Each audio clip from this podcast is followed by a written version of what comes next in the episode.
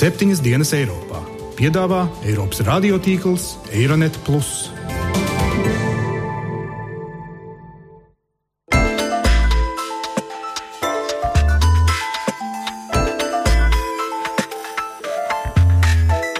Šonadēļ septiņas dienas Eiropā dzirdēsim. Barroso was a great uh, commission president. And look at where we are now. Vai arī būtu Dombrovskis kungs vai prezidents Junkers kungs? Nākamos piecus gadus jaunā komisija daudz nemainīsies.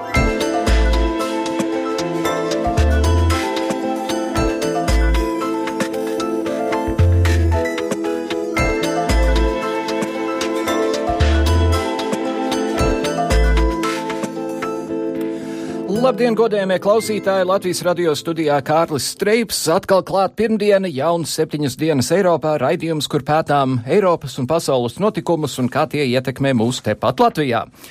Tikko Klaipēdas ostā skanot Lietuvas himnai, lielgabala zalvēm un Baltijas valstu galvu svinīgām uzrunām ieradies jauns sašķirinātās gāzes termināļa kuģis Independence, ko lietuvieši uzlūko kā savas enerģētikas neatkarības simbolu.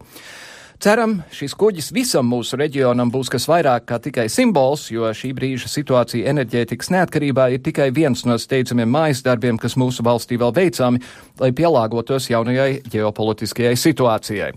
Tāpēc šodien runāsim par cerīgiem sākumiem, pielāgošanos jaunai situācijai un steidzami darāmiem darbiem, jo ar 1. novembri darbu sāks jaunā Eiropas komisija ar mūsu pašu Valdi Dombrovski atbildīgajā viceprezidenta krēslā. Ko sagaidām no jaunās komisijas un kādus mērķus komisija pati sev ir izvirzījusi par to šodien raidījumā. Bet vispirms manas kolēģis Gita Siliņas sagatavotais pēdējās nedēļas galveno notikumu atskats.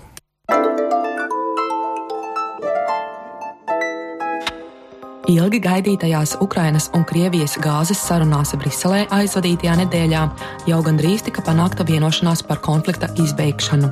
Krievija piekrita samazināt cenu, tomēr par šķērsli līguma parakstīšanai kļuva tas, ka Ukraina vairāku mēnešu garumā nav spējusi norēķināties par Krievijas piegādāto gāzi. Krievijas enerģētikas ministrs Aleksandrs Novaks sacīja, ka pirms sākt piegādāt gāzi, Maskava vēlas garantijas, ka Ukraina šoreiz naudu tik tiešām samaksās. Мы готовы были подписать документы вчера, Mēs jau bijām gatavi dokumentu parakstīt, jo uzskatām, ka visas vienošanās ir panāktas. Ja Ukrainas puse būtu apliecinājusi, ka tā ir finansu resursi, tad problēmu nebūtu. не было особых проблем для того, чтобы вчера окончательно договориться по всем параметрам. Visas konfliktā iesaistītās puses tiksies vēlreiz šo trešdienu. Krievijas enerģētikas ministrs ir sacījis, ka līdz tam Ukrainai ir jāatrod finansējums. Ukraina ir lūgusi Eiropas Savienībai tai aizdot 2 miljardus eiro. Startautiskās cilvēktiesību aizstāvības organizācija Human Rights Watch otrdien nāca klajā ar ziņojumu, sakot, ka tās rīcībā ir pierādījumi, ka Ukrainas armija ir apšaudījusi plaši apdzīvotus Doņetskas apgabalus ar daudzās valstīs aizliegtajām kasežbumbām. Katrā kasešu bumbā atrodas 200 līdz 650 nelieli spriedzekļi, kur ir piebāzti ar nāvējošām adatiņām. Mazās bumbiņas sprādziena rezultātā tiek izkaisītas aptuveni divu futbola laukumu lielā teritorijā, un vismaz 10% no tām nesprāgst. Taču vēlāk bumbas eksplodē pie mazākās kustības. Šādas munīcijas izmantošana apdzīvotās teritorijās tiek uzskatīta par kara noziegumu. Ukrainas pretterorisma operācijas pārstāvis Vladislavs Seļezņovs šīs apsūdzības nosauca par pilnīgām muļķībām un uzsvēra, ka visdrīzāk cilvēktiesību aizstāvji uzķērās uz kaujinieku provokāciju. Tikmēr nedēļas ar pie Zviedrijas krastiem pamanīto ārvalstu zemūdeni uzjundījušas jaunas runas par Zviedrijas valsts drošību un neizbēgamo valsts iestāšanos NATO. Britu laikraksts Guardian norādīja uz farsu. Nelielo Krievijas zemūdeni meklēja nelielā Zviedrijas armija. Laikraksts norāda, ka Zviedrija ir mazinājusi aizsardzības budžetu tik daudzu gadu garumā, ka tagad tai nav atlicis pat viens helikopters, kas būtu piemērots kaujām zem ūdens. Apkaunojums zemūdens meklēšanā esot neizbēgams, norāda laikraksts. Jautājums tikai, kurai pusē? Ja Zviedriem izdosies atrast zemūdeni, Krievija nostiprinās savu iebrucējas tēlu, bet, ja Zviedri izgāzīsies, Zviedrijas bruņotajiem spēkiem būs arvien grūtāk pierādīt, ka tie spēj aizstāvēt savas valsts drošību. Zviedrijas valdība ir apstiprinājusi, ka nākošajā budžetā plāno palielināt izdevumus aizsardzībai. Stāsta Zviedrijas bruņoto spēku virspavēlnieks Sverkers Gēransons. Tagad ir būtiski, lai mēs paaugstinātu mūsu spējas nākotnē, lai mums būtu bruņotie spēki, kas var reaģēt jebkurā brīdī, kad tiek apdraudētas vai pārkāptas mūsu robežas. Ja apstiprināsies, ka tur bijusi Krievijas zemūdene, ļoti iespējams Baltijas valstis lūgs NATO pastiprināt alianses klātbūtni Baltijas jūrā.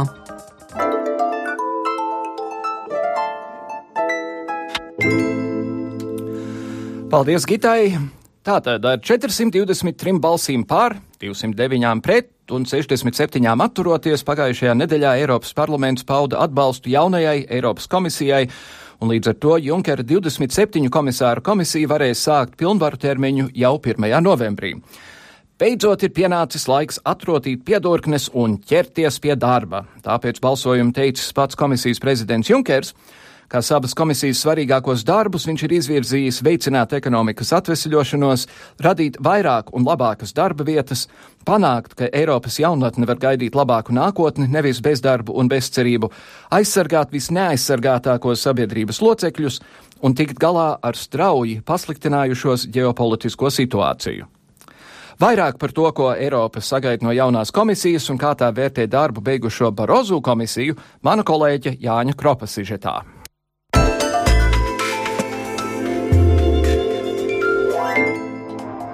Ir iezīmēts jauns periods Eiropas vienotajā politikā, jo pagājušajā nedēļā apstiprinātā Eiropas komisija būs tā, kas pildīs izpildvaras funkcijas Eiropas Savienībā nākamos piecus gadus. Lūdzot izvērtēt jauno Eiropas komisiju, politologs un portāla Delfi žurnālists Filips Lastovskis norādīja, ka jaunā Eiropas komisija, protams, ir struktūrāli mainījusies, tajā ir vairāk amatu, plašāks atbildību lokus un viens no galvenajiem uzsvariem - Žana Kloda Junkera kabinetam tomēr būs jācenšas virzīties tālāk no Eiropu nomocījušās ekonomiskās krīzes. Nākamos piecus piecus gadus jaunā komisija visticamāk savā struktūrā gan pamainīsies, daudz nemainīsies kā funkcionējoša institūcija.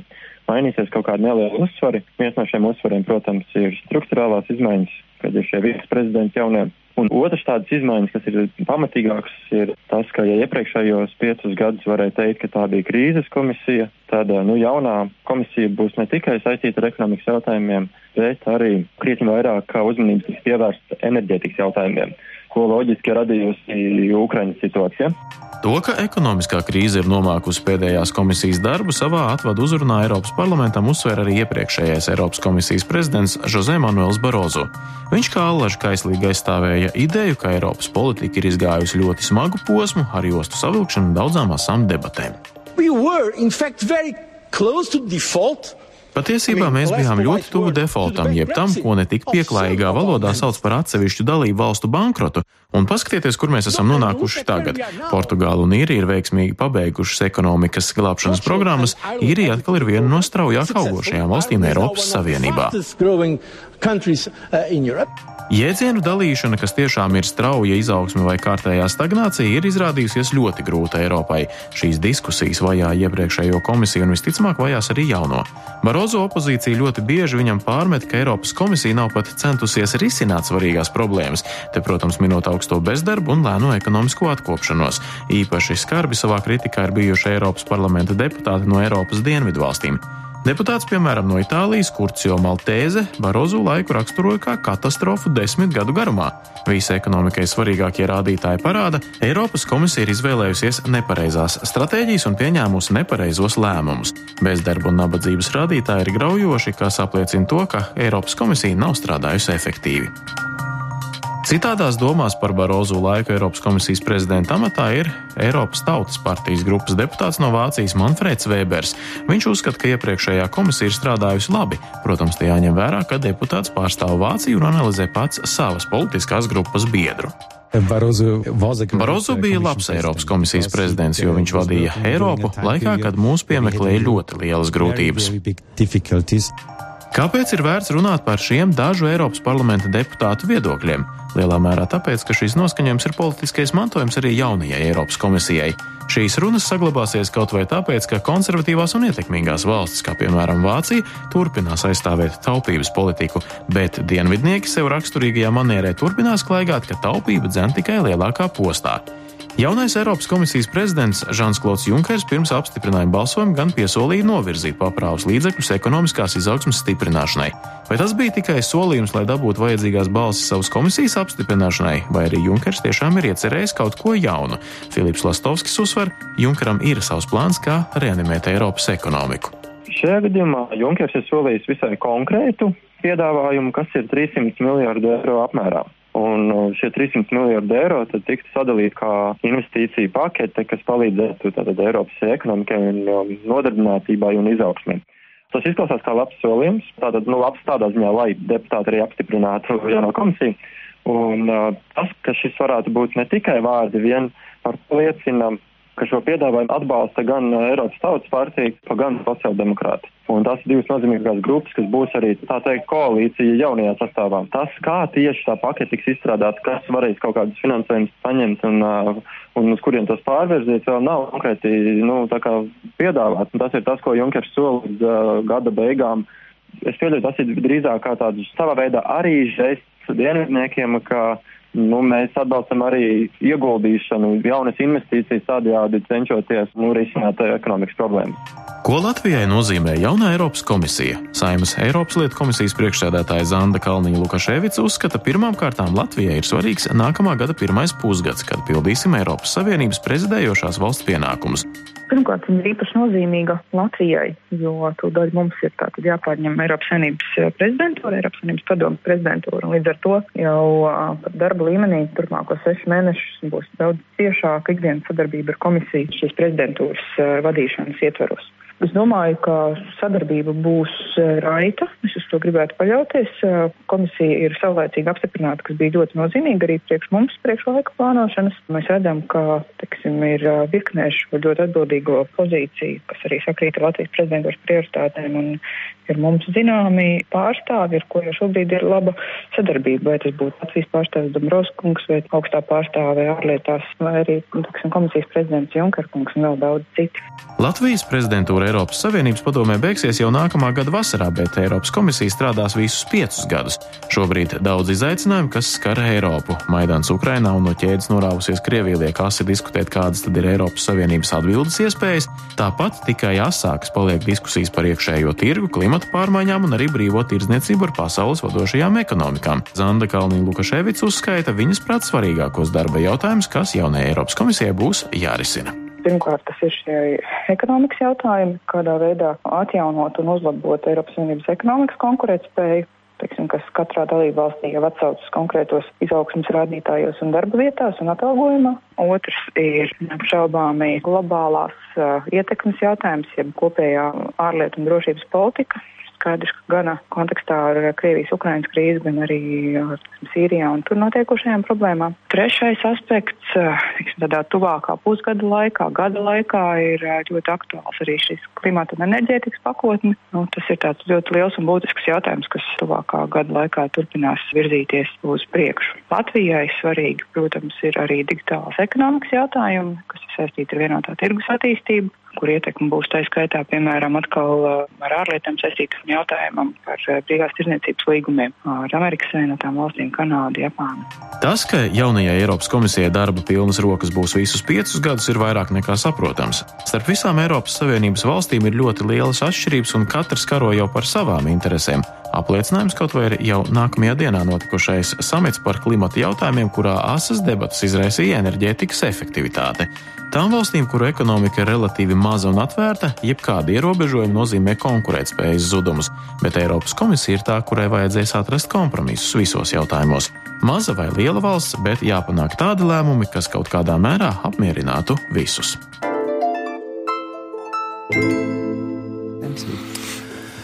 Tātad 1. novembrī Eiropas Savienībā darbu sāks tās jaunā valdība vai vadība. 1. novembris, protams, ir sestdiena. Tajā dienā nekas nesāksies. Patiesībā tas sāksies nākamajā pirmdienā, 3. datumā. Lai uzzinātu vairāk par Eiropas komisijas jauno sastāvu, izvirzītajiem mērķiem un steidzamākajiem darbiem, esam studijā aicinājuši komisijas viceprezidentu atbildīgo par eiro un sociālā dialogu jautājumiem Valdu Dombrovski. Labdien! Labdien! Un Eiropas kustības Latvijā prezidentu Andri Goviņu. Labdien! Labdien. Jums laikam ir, ir grūti pierast pie tā, ka jūs vairs nesauc bijušais premjerministrs. Nu, uh, jāsaka, zināms, laiks jau ir uh, pagājis, kopš es neesmu ministra prezidenta amatā. Līdz ar to uh, skaidrs, ka pie tā pamazām arī pierod gan strādājot saimā, gan Eiropas parlamentā, gan tagad jau no 3. novembra Eiropas komisijā. Nu, ja. Uz pirmo acu uzmetienu un patiesībā arī uz 180. acu uzmetienu eiro un sociālais dialogs kaut kā neliekās divas lietas, kas ir atnieciskas. Kā jūs to saprotat? Nu, jāsaka, galvenais uzdevums šajā amatā, tātad eiro un sociālā dialoga jautājumos, ir nodrošināt ciešāku lēmumu koordināciju starp ekonomikas un finanšu jautājumiem no vienas puses un sociālajiem un nodarbinātības jautājumiem no otras puses. Tāpēc šīs abas puses ir sasaistītas kopā, un arī šajā manā koordinācijas jomā tātad ir gan komisāri, kas atbild par ekonomikas un finanšu jautājumiem, gan par sociālajiem un nodarbinātības jautājumiem. Jā, varbūt paskaidrojiet klausītājiem, kuriem tas var būt ne īpaši skaidrs. Jūs kā komisārs nesat atbildīgs par vienu konkrētu lietu. Jūs esat tāds kaut kas starp priekš prezidentu un pašiem komisāriem. Tāds vidējais posms? Jā, nu, šī ir jauna Eiropas komisijas struktūra, jauns piedāvājums, kas ir nācis tātad no Eiropas komisijas prezidenta Junkera kunga. Tātad dot Eiropas komisijas viceprezidentiem šo koordinējošo lomu, tātad nodrošināt dažādu uh, politikas jomu uh, koordināciju jau agrīnās lēmumu pieņemšanas uh, stadijās. Faktiski panākt to, ka uh, Eiropas eh, komisija strādā kā viens eh, veselums, un dažādi komisāri, dažādi ģenerāldirektorāti strādā uz kopīgu mērķu sasniegšanu. Mm -hmm. Interesanti, interesanti gan visa, visa šī lielā būšana, jāsaka, kas, kas, tur, kas tur notiek. Vai tas bija daļēji tāpēc, ka pieaugot dalību valstu skaitam sāk aptrūkties tēmas, kuras izdalīt dažādiem komisāriem? Jo jau iepriekš likās, ka dažas ir druskam aiz matiem pievilktas. Nu, eh, šādas eh, diskusijas, protams, arī ir bijušas, bet jāatzīst, ka ar eh, nu, mm, novembrī dalību valsts skaits nepieaug. Līdz ar to dalību valsts skaits ir iepriekšējais, un no šī viedokļa tikpat labi varēja turpināt darbu iepriekšējā struktūrā. Es domāju, ka tomēr galvenais ir tieši pārvarēt šo komisijas darba Uh, sadrumstalotību. Jo nu, līdzinējā praksa tomēr liecina, ka dažādi Eiropas komisāri, dažādi e, ģenerāldirektorāti strādā nu, katrs pats par sevi.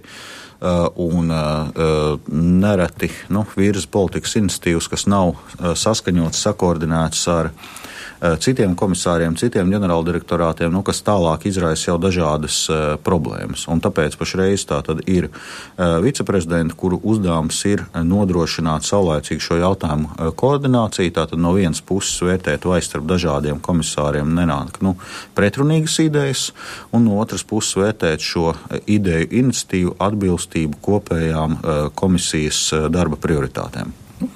Antra, kā tas viss izskatās no malas? Eh, ļoti loģiski. Bez eh, viceprezidentiem, man liekas, esošā struktūrā, nu, tādā variantā, kur viceprezidentam patiešām ir lielāka vara eh, pār citiem komisāriem, būtu bijis diezgan pagrūti, man liekas, vadīt. Nu, skatāmies darba dzīvē reālā, kur tad ir kā, kāda struktūra, kur ir 28, 27 vienāda līmeņa darbinieki bez tā, ka tur tomēr būtu vēl kaut kāda pakārtojuma sistēma. Tā kā pēc loģikas tas tīri pēc vadīšanas, man liekas, liekas ļoti loģiski, un tad, protams, šis pārasoriskais moments, ko mēs arī redzam, kur Latvijā varbūt savā ziņā ir gājusi kā pionieris, mums ir pārasoru koordinācijas centrs, kas arī skatās ar kā līdzi, lai tur, nu, nodarbinātību un, un kaut kāda bankas intereses, lai viņas izsvērtu un, un atrastu pareizāko ceļu. Tā kā tas ir kopumā, ne tikai Latvijā, bet, teiksim, pasaulē, man liekas tāda tendence, ka, ka skatās uz lietām tā vairāk kops, kopsakarā, nevis šaurās nozarēs, kur tad var arī risks lielāks, ka iebrauc grāvī. Varbūt vēl viens pionieris visā šajā jomā ir arī bijis uh, vērts pieminēt, ir uh, Andris Piebāks, kas īstenībā arī, ja mēs skatāmies pēdējos divus, trīs gadus, praktiski visi dokumenti, kas ir gājuši ar viņa parakstu, ir gājuši arī ar diviem, trim citiem komisāriem, kur īstenībā varbūt pat tur Junkeram šī ideja. Nu, ne, ne tikai no tā, bet, nu, bet varbūt arī no tā šī ideja ir stiprinājusies, ka tas ir iespējams arī komisāriem savā starpā sadarboties, ja ir vēlme, ja ir šī vēlmes sadarboties un, un spējas, tad tas ir iespējams. Un nu, piebalgs to arī ir pierādījis, ka tas ir iespējams. Mm -hmm. Savukārt, cik liels jums būs šajā procesā tiesības? Ja jums finanšu komisārs teiks pār un ekonomikas komisārs teiks pret, jums būs uzdevums teikt, sēdēt pie galda, kamēr jūs kaut ko izdomājat, vai jums būs tiesības arī teikt, eh, nosvērties vienā un otrā pusē, un tā tas arī aizies? Eh, jā, nu, pirmkārt, eh, šī ir eh, koordinējošā loma. Tātad tiešām ir nu, koordinēt dažādu komisāru darbu, panākt, censties panākt vienošanos, bet gala rezultātā jautājumi uz Eiropas komisijas koledžu, nu, kas ir kaut kāds varbūt tāds aptuvens analogs ministru kabineta sēdēji Eh, tiek virzīti tad jau ar eh, viceprezidentu lēmumu. Līdz ar to eh, nu, gala rezultātā to jautājumu tāpat uz koledžu virza viceprezidents. Un, un tieši eiro jomā es pieļauju, ka tur būs milzīga liela rīvēšanās starp, teiksim, Franciju, kas nevēlās būt īpaši taupīga, Vāciju, kas grib būt ļoti taupīga, dienvidiem, kas gaida lielāku palīdzību, ziemeļiem, kas nesaprot, kāpēc vajag dot slinkajiem grieķiem vēl un vēl un vēl. Uh, jā, nu, uh, protams, šis uh, darbs tieši tātad viceprezidents eiro jautājumos, protams, ir visu šo ideoloģisko pretrunu pašā centrā. Un to mēs varējām redzēt arī noklausīšanās laikā Eiropas parlamentā. Arī tur no dažādām politiskajām grupām bija nu, diametrāli pretēji vērtējumi līdzšanējam komisijas darbam un arī to, Eh, kas būtu eh, jāveic eh, turpmāk.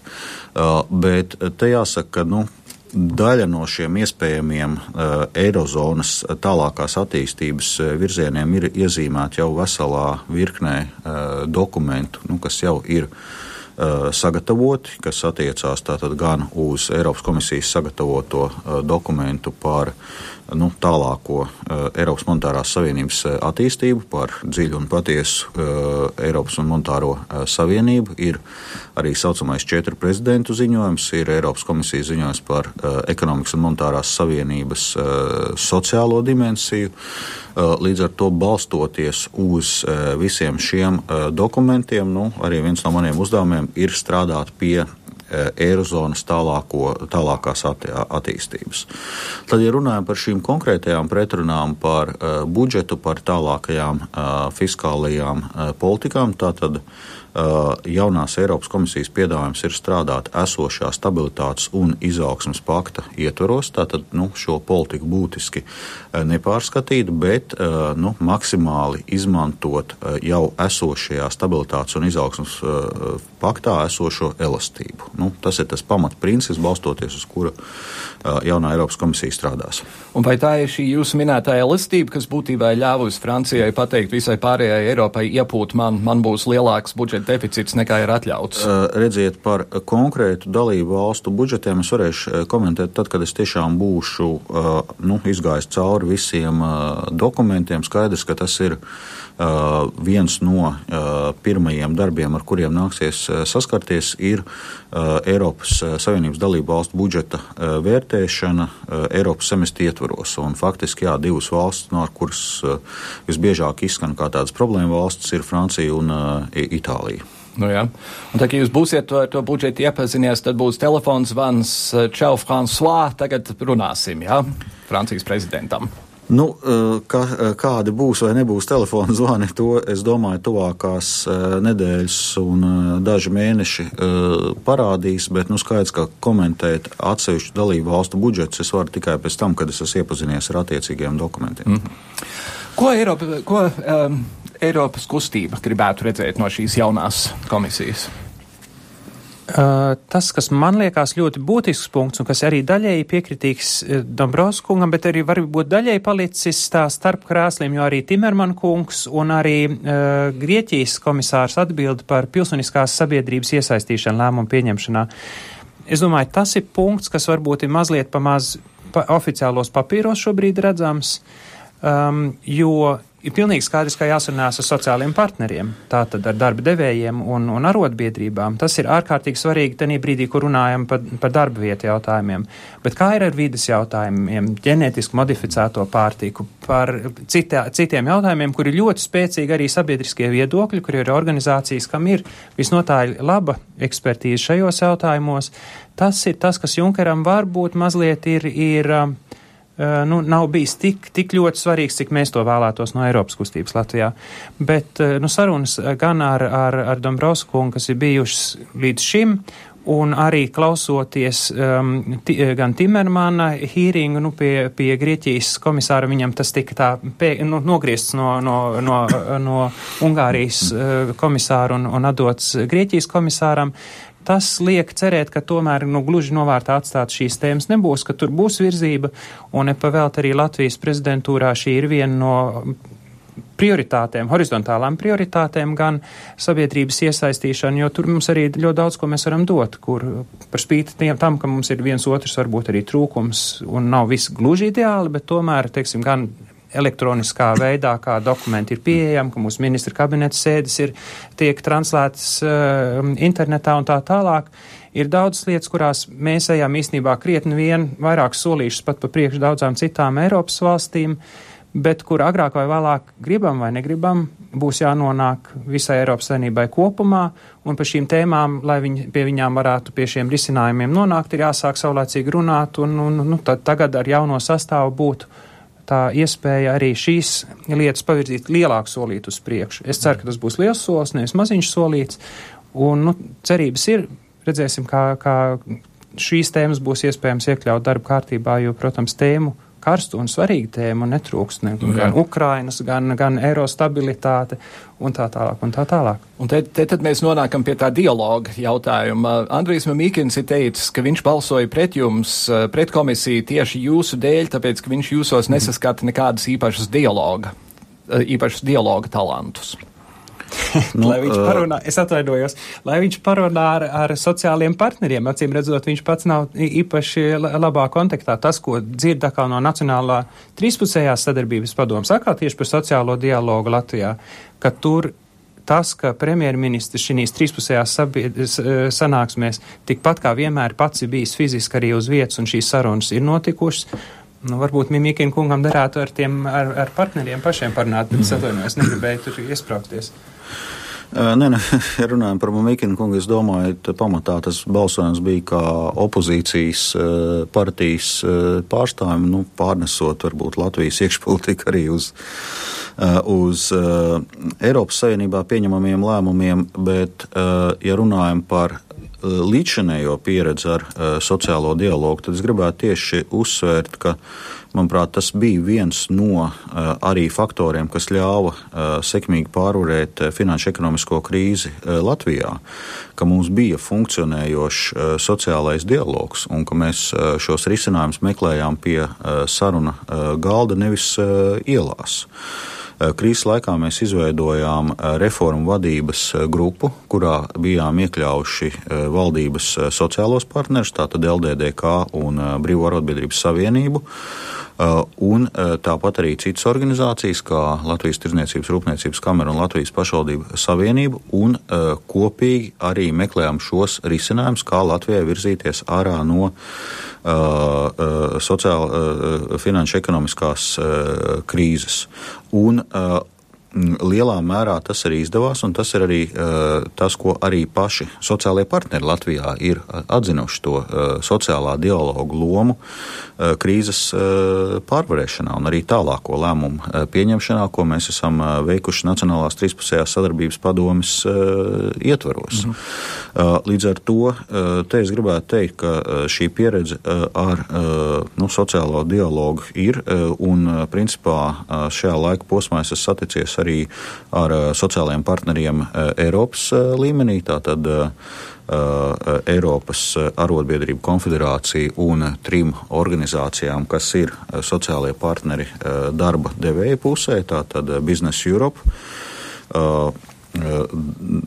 publiskā sektora darba devēja organizācija un arī mazo video uzņēmumu un uh, amatnieku uh, darba devēja organizācija. Uh, un esam pārunājuši šos jautājumus, kādā veidā mēs varam stiprināt sociālo dialogu Eiropā un kādā veidā mēs varam nu, faktiski tiešāk iesaistīt sociālos partnerus uh, Eiropas Savienības makroekonomiskajā uh, pāraudzībā, mm. nu, kas pamatā tātad izpaužās uh, caur Eiropas semestri, un kurā vietā tad mēs varam ciešāk iesaistīt sociālos partnerus Eiropas Savienības līmenī, un kurā vietā mēs varam ciešāk iesaistīt partnerus dalību valsts līmenī. Tā kā nu, šis darbs notiek, un, nu, jebkurā gadījumā skaits ir tas, ka sociālo dialogu mēs nu, tuvākā laikā eh, stiprināsim. Ja par pilsonisko sabiedrību jau labu laiku Eiropas Savienībā ir šī būšana, kur, ja izdodas savākt miljonu parakstu konkrētās dalību valstu skaitā, tad kaut kas var virzīties uz priekšu. Kā ar to ir gājis? Ja es drīkstu aizsākt, tad eh, ar to ir gājis krietni vien struntīgi, ja tā drīkst tautas valodā izteikties. Ir divas tā saucamās Eiropas pilsoņu iniciatīvas, kas ir savākušas nepieciešamo parakstu skaitu. Uh, pat ar uzvītu tur bija tuvu diviem miljoniem right to water nu, tiesības uz, uz, uz ūdeni, lai tā tad, kur kodolā galvenais bija tas, lai ūdens apgāde netiktu nodotu gluži privātās rokās, ka tomēr te ir valsts funkcija, kaut kāda vai pašvaldība funkcija tika tiek saredzēta. Tur komisijas uh, reakcija kas vērtē tātad šos, šos priekšlikumus, bija tāda, ka, nu, paldies, pieņemam zināšanai, noliekam plauktiņā. Nu, vai ar to mēs iedrošinām sabiedrību iesaistīties, izmantot arī nākotnē šo instrumentu? Es šaubos, un arī viceprezidents eh, Timermans izteicās diezgan kritiski par to, ka nu, komisija nav izmantojusi tās iespējas, kas, kas būtu bijušas. Nu, nav varbūt jāņem viens vienā to priekšlikumu, kāds, kāds viņš tika iesniegts, bet nu, tas, ka izriet kaut kāda veida politiska rīcība, arī no šīs šāda veiksmīgi savākta parakstu skaita, nu, loģika to prasītu. Kas tieši ir tā rīcība, kāda veida rīcībai būtu jāizriet, nu, tur arī pats Timermans nebija īpaši precīzs, bet, eh, bet nu, viņš teica, nu, tā īstenībā ir neies, neizmantot iespēju un, un žēl, un viņš solījās nu, būt aktīvāks arī, kā es sapratu, nākotnes iniciatīvu uzklausīšanā. Mm -hmm. Kā jūs uz to skatāties? Uh, jā, nu, ja mēs runājam par dialogu ar uh, pilsonisko uh, sabiedrību, uh, Nu, eh, protams, tā ir eh, zināmā mērā arī jau pieminētā Timermana kunga kā Eiropas komisijas pirmā viceprezidenta eh, kompetence arī nu, kopumā tātad uzlabojot pārvaldību Eiropas Savienībā. Bet es gribētu teikt, ka tas īstenībā ir katra Eiropas komisāra arī atbildība nodrošināt dialogu ar pilsonisko sabiedrību savā kompetences jomā.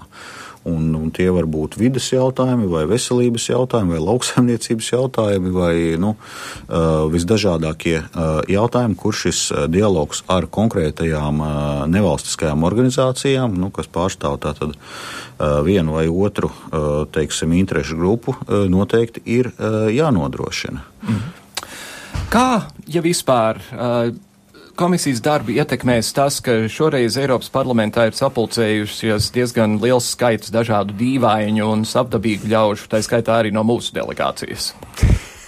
Nu, es domāju, to lielā mērā noteiks tas, kā savu darbu organizēs Eiropas parlaments.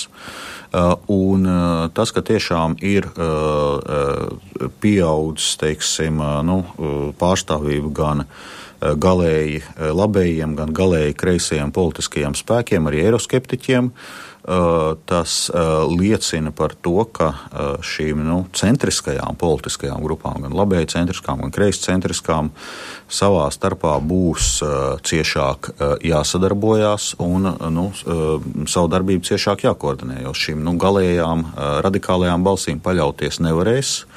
Tas nozīmē, ja arī no Eiropas parlamenta puses ir tomēr apņemšanās nodrošināt nu, produktīvu likumdošanas darbu, tas nozīmē ciešāku koordinēšanu tieši nu, politiskajā centrā. Es vai varētu piebilst to, ka arī savi riski arī ir ar salīdzinoši lielu koalīciju, lai gan, nu, it kā Eiropas parlamentā nav konkrēti tāda veida koalīcija, kādas viņas ir nacionālā līmenī, bet nu arī sadarbojās konservatīvie, tātad Eiropas Tautas partija, kurā ietilpst vienotība, sadarbojās sociāldemokrāti, kurā ietilpst saskaņas centrs un liberālā partija, no kuras Latvijas um, pārstāvi nav Eiropas parlamentā. Šīs lielās koalīcijas riski ir savukārt tieši tas, ko jūs pieminējāt, ka pēkšņi viens izdomā, nu, Memīkins, ka viņš tagad nu, nebalso, viņš balsos citādāk, un pēkšņi arī var visādi pārsteigumi rasties ar to vien, ka nu, tāda sajūta, ka nu, tāpat jau vairākumu savāks, priekš kā man tur pūlēties, vai priekš kā man tur arī nu, eh, izprast eh, lietas kopumā un, mm. un, un skatīties, vai patiešām mana pretbalss vai pārbalss ir tik pamatota. Vēl viens mīnus, kas ir varbūt no tās, tās, arī no tās sadarbības, ir tas, ko plaši kritizēja pie Eiropas komisāriem, ka ar to, ka šī koalīcija nosacītā bija veidota nu, no šiem pašiem centriskiem spēkiem, tika apstiprināts viens otrs kandidāts, nu, kur tā kompetence varbūt nebija gluži tik ļoti augsta. Nu, tur par Spānijas uh, komisāru bija ļoti smaga kritika. Slovēniet bija spiest. Slovēniet bija at, spiest atteikties, bet tāpēc, ka viņi ne, neietilpa vienā no šīm divām lielām partijām. Akal tā, nu, vai viņi patiešām, nu, viņi bija ārkārtīgi vārga, vāja pārstāvi, par to nav šaubu, bet, bet vai nav arī citi, kuri, nu, arī būtu varbūt bijuši pelnījuši tomēr tādu drusku spēcīgāku vārdu no Eiropas parlamenta dzirdēt. Manuprāt, tādu kandidātu tur uh, bija. Un man liekas arī žēl, ka nu, šie centriskie spēki neizmantoja to iespēju, nu, vismaz pateikt, nu, tad izsvilpjam ārā pa vienam no katra, tā sakot, lai patiešām mums ir visspēcīgākā komisija, kas var šos lielos izaicinājumus arī veikt, kas mums stāv priekšā, jo, nu, tomēr viens otrs, vismaz šobrīd tā liekas, nu, nav pats pats spēcīgākais, noteikti labāk kandidātu būtu bijis iespējams atrast. Mm. Par to ir žēl, un tas gan ir nevis šo radikāļu, tad eh, tas nopelns, bet jau nu, šo centrisko spēku, kuru politika kopumā ir, protams, ir sakarīga, bet nu, šādiem mīnusiem tomēr arī nākās sastapties. Jā.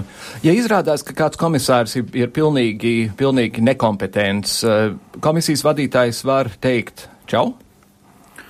Nu, uh, pirmkārt, tiešām gribētos paust cerību, ka nu, šādas situācijas nebūs, jo nu, tomēr te es gribētu teikt, ka Eiropas uh, komisāri, arī Eiropas komisāra uh, kandidāti tomēr iziet cauri diviem ļoti nopietniem sietiem.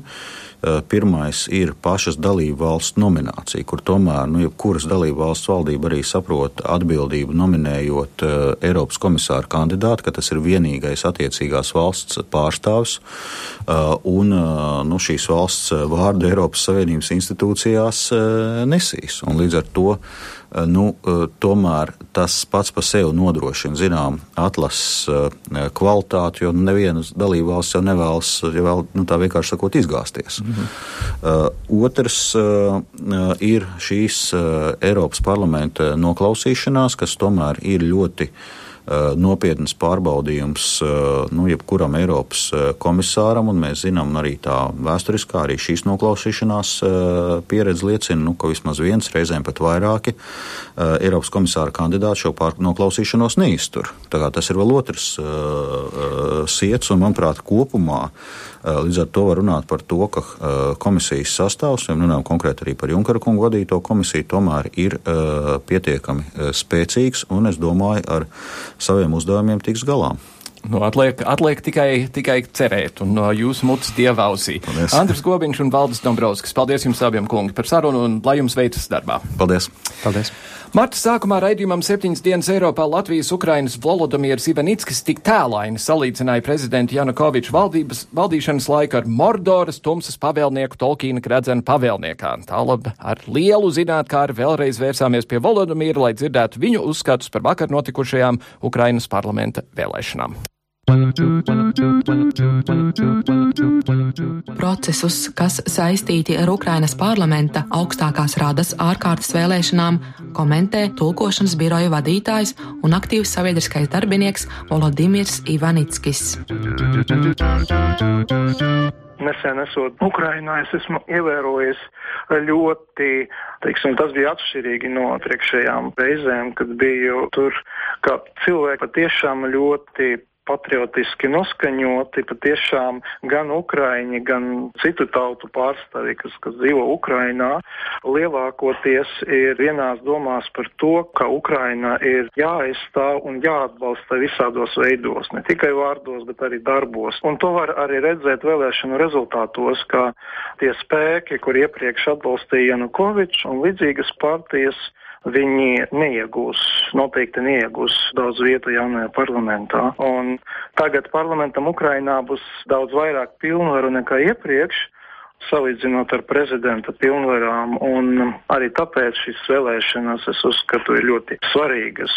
Daudzas reizes esot Ukrainā, es visu laiku domāju par to, nu, kad beidzot tiks izveidota un sakārtota vara sistēma tā, lai korupcija ietu mazumā, jo tas tiešām tik ļoti bremzē Ukrainas attīstību ka pat godīgi cilvēki, ieņemot kādu amatu, viņam tiek piedāvāti tādi kārdinājumi, ka daudzi no viņam nevar apteikties, un viņi dod un ņem kukuļus. Un patiešām tas ir, korupcija ir viens no pirmajiem jautājumiem, ar kuriem būs jāsaskarās jaunajai augstākajai padomēji.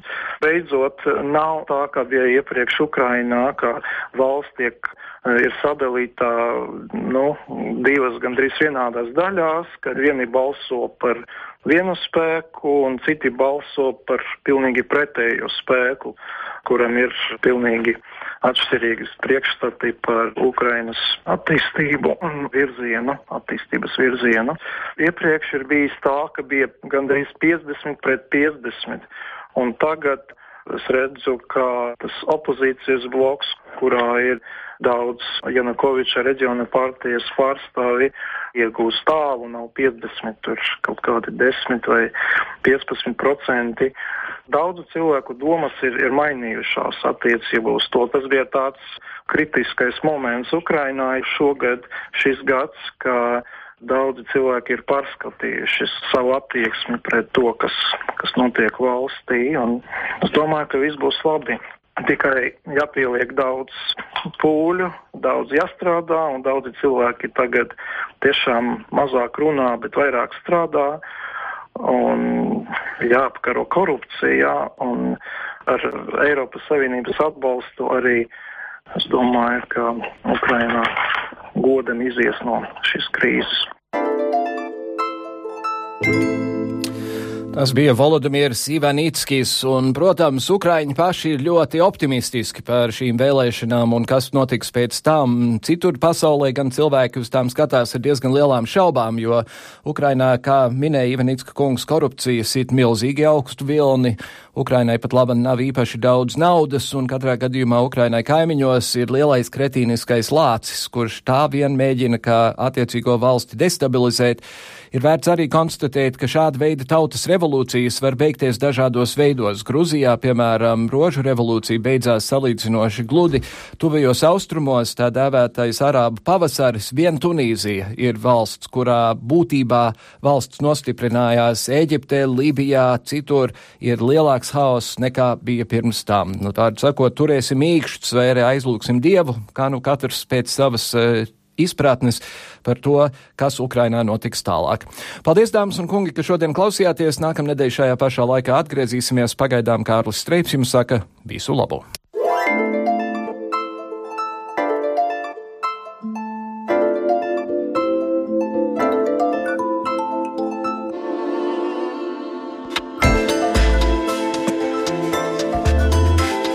Raidījumu veido Kārlis Streips, Gita Siliņa un Jānis Krops. Producents Lukas Rozītis.